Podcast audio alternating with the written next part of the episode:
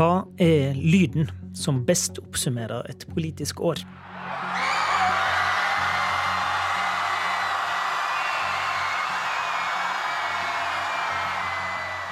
Er det et klimabrøl fra gatene fra de unge?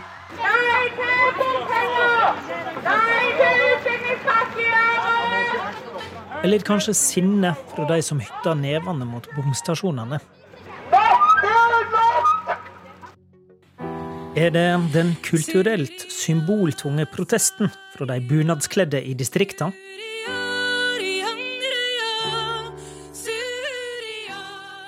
Vi forsto den tid vi levde i, og ga svar menneskene trodde på. Skal Trygve Bratteli ha sagt en gang, da han skulle forklare Arbeiderpartiets dominans i etterkrigstida.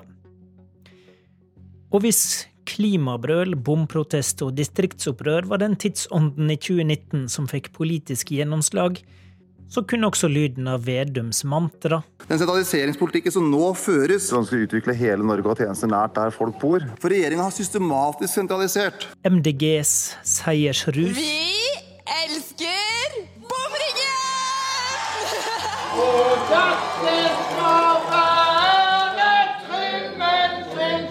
Eller den usannsynlige velgermagneten Bompartiet være lyden av politisk makt.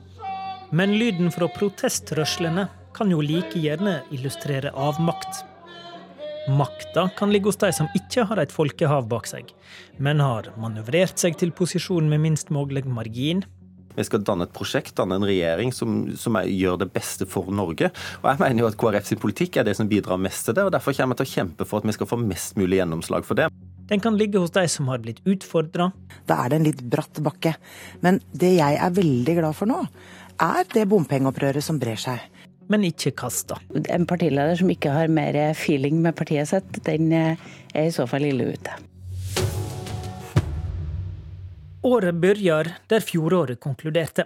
Partiet som på en god dag er 4% stort, går inn i regjering.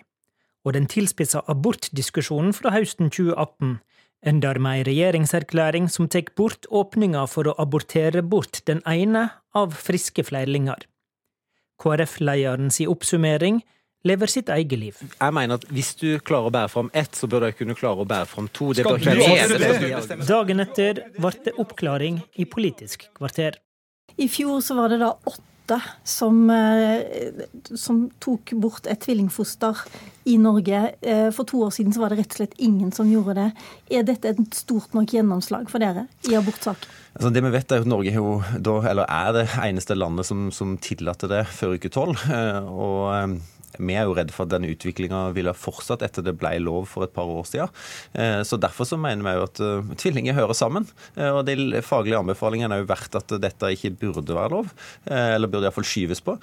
Og Derfor så er vi veldig glad for at vi har fått det gjennomslaget. Og som du sa i debatten i går, hvis en kvinne føder ett barn, så må man klare å føde to barn også.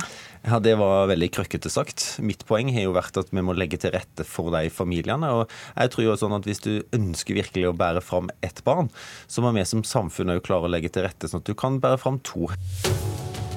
Kanskje burde en forstått det, at med den blå sigeren i KrF og en ferdigforhandla regjeringsplattform, så var det duka for comeback. Likevel kom det som ei lita overrasking da hun plutselig var tilbake. Det er jo ikke et mål at folk skal drikke mest mulig, at man skal ha et alkoholkonsum som er skadelig. Tvert imot. Men så er jeg veldig opptatt av at vi heller ikke skal dømme de som kanskje ikke helt følger de anbefalingene som er. Sånn at de føler seg liksom på sida av samfunnet. Og, og, da er det jo mye bedre å, å stimulere til at de kan ta fornuftige valg gjennom informasjon, i stedet for å være moralistisk. Og like før jul rykka hun enda lenger opp på rangstigen. Listhaug skal forvalte oljepolitikken, og at hun ikke lenger er klimafornekter, har hun forklart i Politisk kvarter, sa statsministeren. Det er jo sagt at det menneskeskapte klimaendringer skjer, og vi skal gjøre noe for det. Men spørsmålet er om du skal bruke en sosialismisk tilnærming med pisk, plage og rett og slett suge penger ut av lommebøkene på folk. Det var forresten flere som prøvde å komme tilbake i 2019. Trond Giske lå bra an til å bli medlem i fylkesstyret og arbeidsutvalget i Trøndelag Ap. For mange var Giske en som forstår samtida og gir de riktige politiske svara.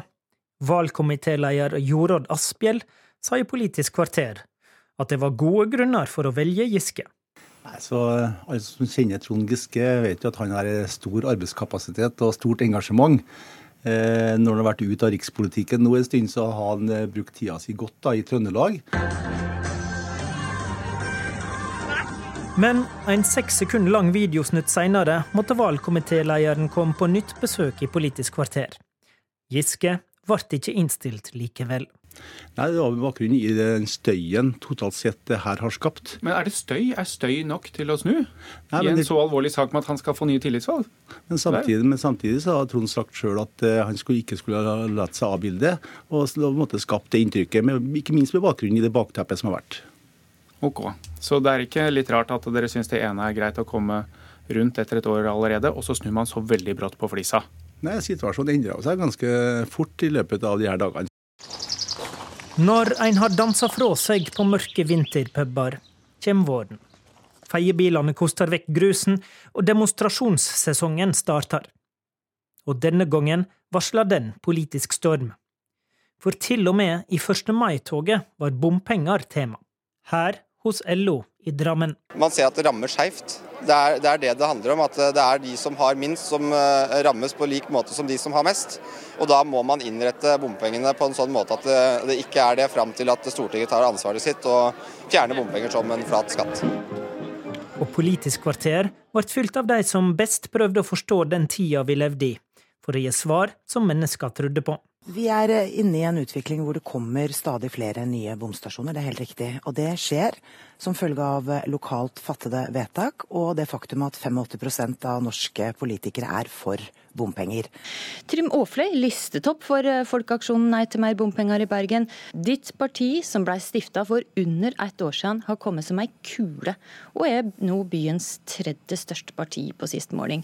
Hvordan forklarer du denne voldsomme framgangen? Ja, jeg tror det at eh, disse eh, reaksjonene er en eh, genuint uttrykk for en, en misløye med, med politikken sånn som den styres i Bergen. Ja, på hvilken måte da? Ja, Det er noe som treffer folk håper jeg, rett i, i, i hjerteroten. Byrådsleder Raimond Johansen i Oslo kom ikke protestene i møte. Det er helt uaktuelt for oss å samarbeide med bompartiet. Vi vil fortsette der vi har sluppet. Det betyr at det nå er 14 000 færre passeringer gjennom bomringen og 5 millioner færre i året. Og luftkvaliteten er mye bedre i Oslo og for bra for næringslivet og bra for småbarnsfamiliene. Jeg frykter kø, kork og kaos hvis vi gir etter for eh, bompartiets krav her. Så for oss er det helt uaktuelt. og vil de ikke ha det, så trenger de ikke å stemme på Arbeiderpartiet. Vil de at bommene skal rives, ja da må de kanskje stemme på bompartiene eller en av partiene på høyresiden. Men våren 2019 var også ei tid da en politiker måtte velge hva for et demonstrasjonstog det var rett å lytte til. Norsk Olje koker kloden, la olja ligge. De unge tok også til gatene. MDGs Une Bastholm mente at å lytte til bomprotestene ble feil. Nei, altså hvis du ser verden eh, under ett nå, de store sammenhengene, så syns jeg jo det er et rart sted, først og fremst for norske politikere nå å sette engasjementet sitt når vi står midt i natur- og klimakrise. I 2019 må alle vise fram klimasvarene sine. Det som er sant, er at i årene som kommer, så skal utslipp ned. Og det er hovedfokuset vårt nå. Det er å sørge for at vi i 2030 når de målene vi har satt oss. Og det er 45 kutt i ikke-kvotepliktig sektor. Da må vi faktisk la noe olje ligge i bakken. Men en trenger jo ikke kjøpe alt de står for i den grønne rørsla. Senterpartiets Geir Pollestad visste å utfordre. Disse klimatoppene, for dem er det ingenting som er godt nok. Eh, Du må tro på alle deres tiltak eh, for å være god nok. Eh, De har dårlig humør, og de har et språk som jeg tror er svært vanskelig for vanlige folk å forholde seg til. Så jeg har syntes det har vært rett å sammenligne dem med såkalte sektledere. Grønn ungdom møtte Karl Eirik Skjøtt Pedersen fra Norsk olje og gass i Politisk kvarter.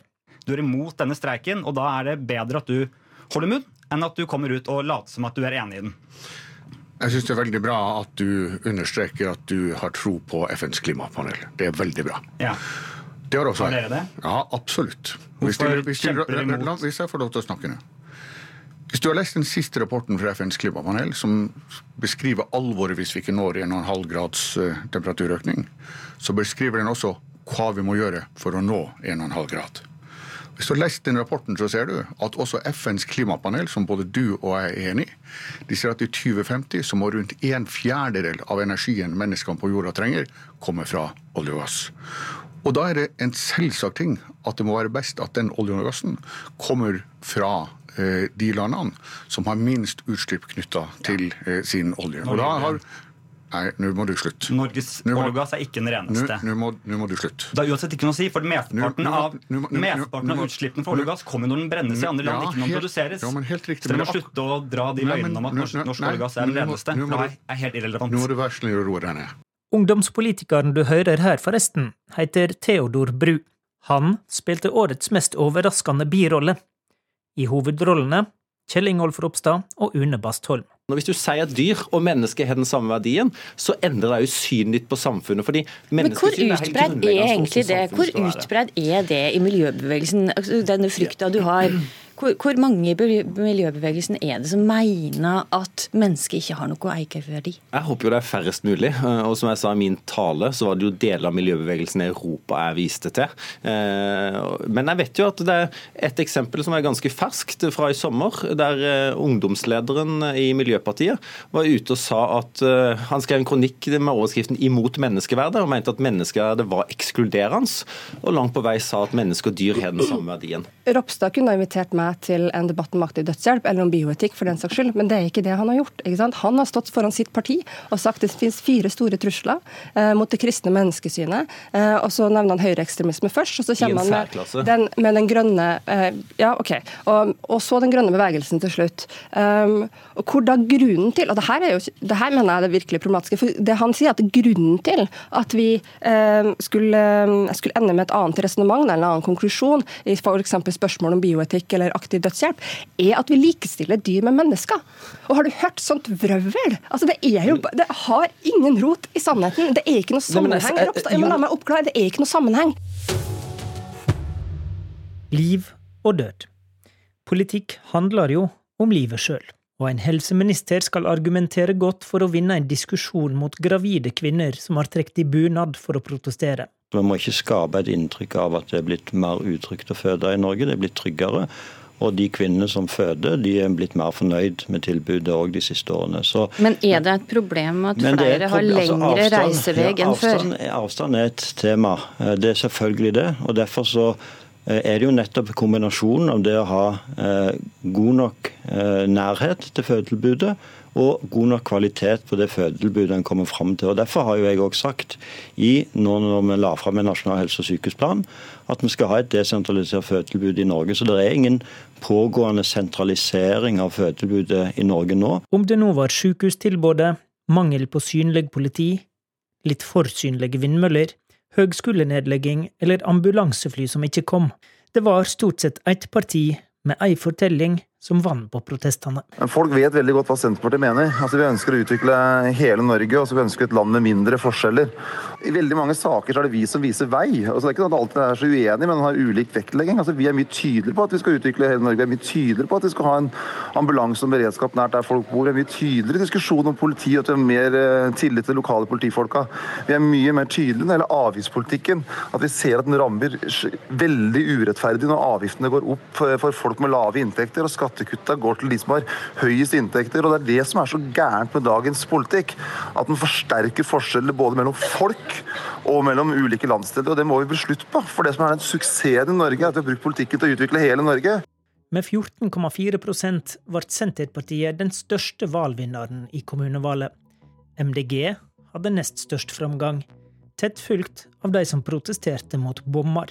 Arbeiderpartiet og alle regjeringspartiene fikk smellen, men det er lang vei fra slagord til makt.